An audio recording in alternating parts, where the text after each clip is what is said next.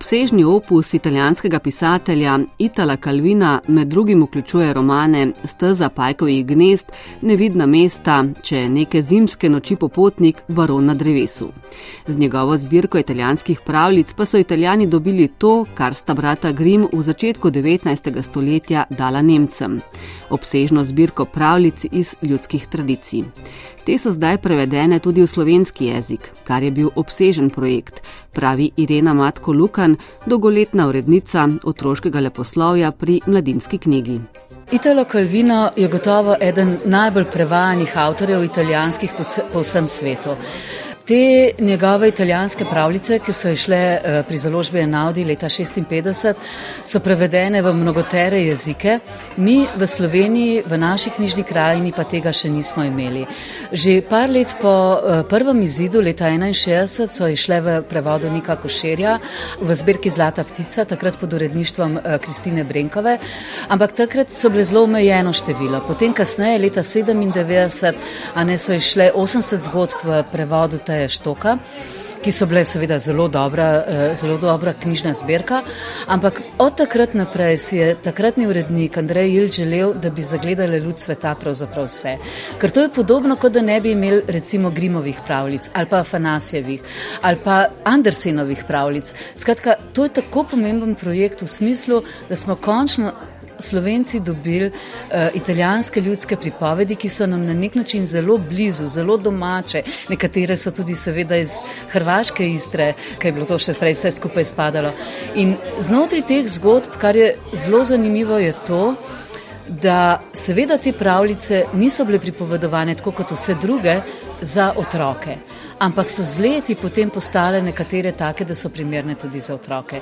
To pomeni, da lahko jih seveda pripovedujemo in beremo otrokom, ampak namenjene so vsem bralcem. In to je en tak projekt, tako kot je tudi Kalvino sam v vodni besedi napisal, na nek način živi, govorijo o vsakdanjem svetu, o tem, kako najti srečo, kaj je prav in kaj ni prav, kaj je dobro in kaj je zlo. In to, kadarkoli odpremo eno izmed teh dveh knjig, eno izmed teh zgodb, lahko mogoče se nam na ključno nekaj odpre, kar nam lahko nekaj pove.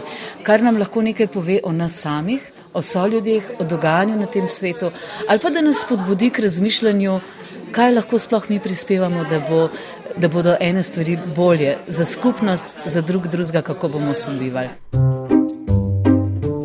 Med več kot 200 pravljicami so take o pastirju, ki ni mogel rasti, pa kraljeviču, ki je vzel žabo za ženo in deželi, kjer se nikoli ne umre. Vsebinsko so pravljice tudi očarljiva mešanica znanih motivov. Tako kot Kalvino je tudi prevajalec Gašpr Malej, čigar opus prevodov obsega od romanov do strokovnih del, dve leti živel s pravljicami, ko se je zunaj dogajalo marsikaj drugega.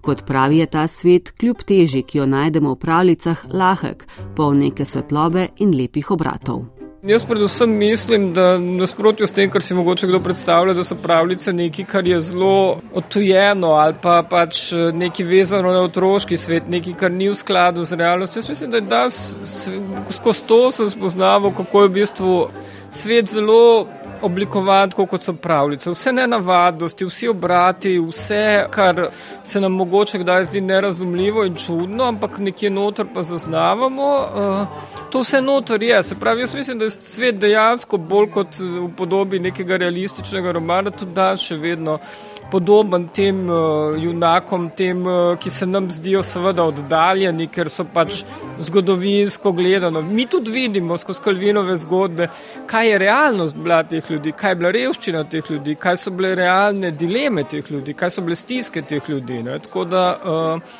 je pa seveda še vse to odmaknjeno in nadgrajeno z enim jezikom in z enimi možnostmi, za katere je dobro, da se jih seveda tudi vsakdanjem našem življenju zavedamo. Novo izdani knjigi z italijanskimi pravljicami sta opremljeni z ilustracijami Ane Zavadlav, ki je bila do zdaj vajena dobiti eno pravljico in jo z ilustracijami razdelati od začetka do konca. Tu pa je bilo pred njo 200 pravljic in odločila se je, da bo lovila prostor vmes, prostor, kjer se te pravljice lahko zgodijo. Pravljice so zelo različne. Recimo skupno jim je to, da je pač en pripovedovalec. Štorije so pa tako različne, kot smo ljudje. Ljudem se dogaja vse živo, tako kot se nam. To so življenja v eni pravljici. Od rojstva do, do poroke, ponovadi, srečnih koncev. Težko bi rekla, kaj je eno vodilo. Mogoče to, da je ena roka čez celo. Je pa znotraj tega zelo razli, raznoroden material. Tako tudi jaz nisem šla. Sem zelo se je spremenil tudi stil. Včasih sem delala risbo, včasih so črno-beli, pa so barvne, motivi skačejo, ampak recimo, da drži to skupaj, da, da je pač en pripovedovalec.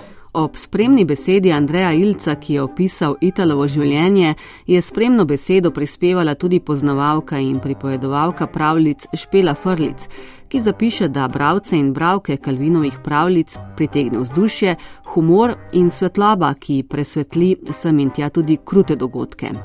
Pravi, da se je zdi Kalvinova zbirka ena pomembnejših in konceptualno premišljenih evropskih zbirk pravljic. Pozna se, da se jih je Kalvino lotil z veliko teoretičnega znanja in hkrati z veliko pisateljske intuicije in veščine. In to, kar smo dobili in kar zdaj dobivamo v slovenskem prevodu, je res odličen izbor um, 200 tih pravljic.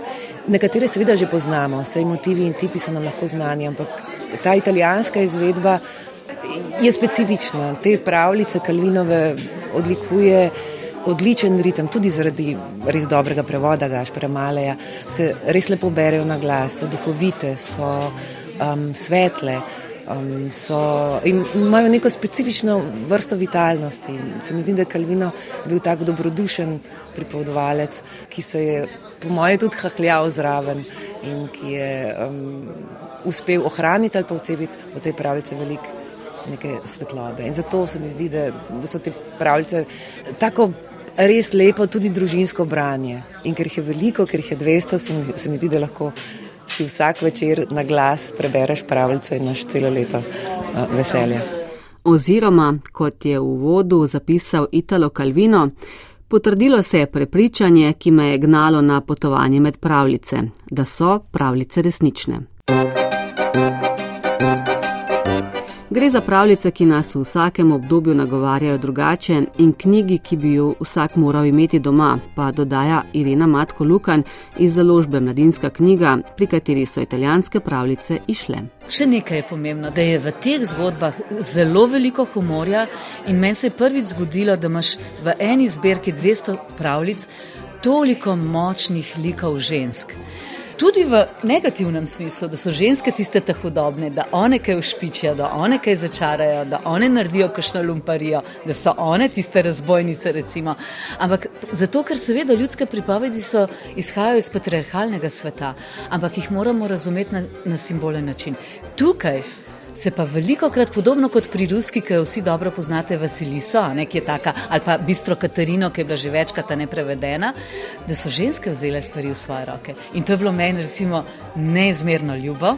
In tudi to ljubo, da se pravzaprav iz recimo temnih plati ali pa mogoče slabih lasnosti pohecaš in jih vzameš kot da si rečeš, da smo res smešni v tem, kaj počnemo in kako počnemo. In te lahko mogoče, ok, pa probajmo še mogoče malo drugače. Tako da to je knjiga, ki se mi zdi, da je čist za na vsako domačo knjižno polico.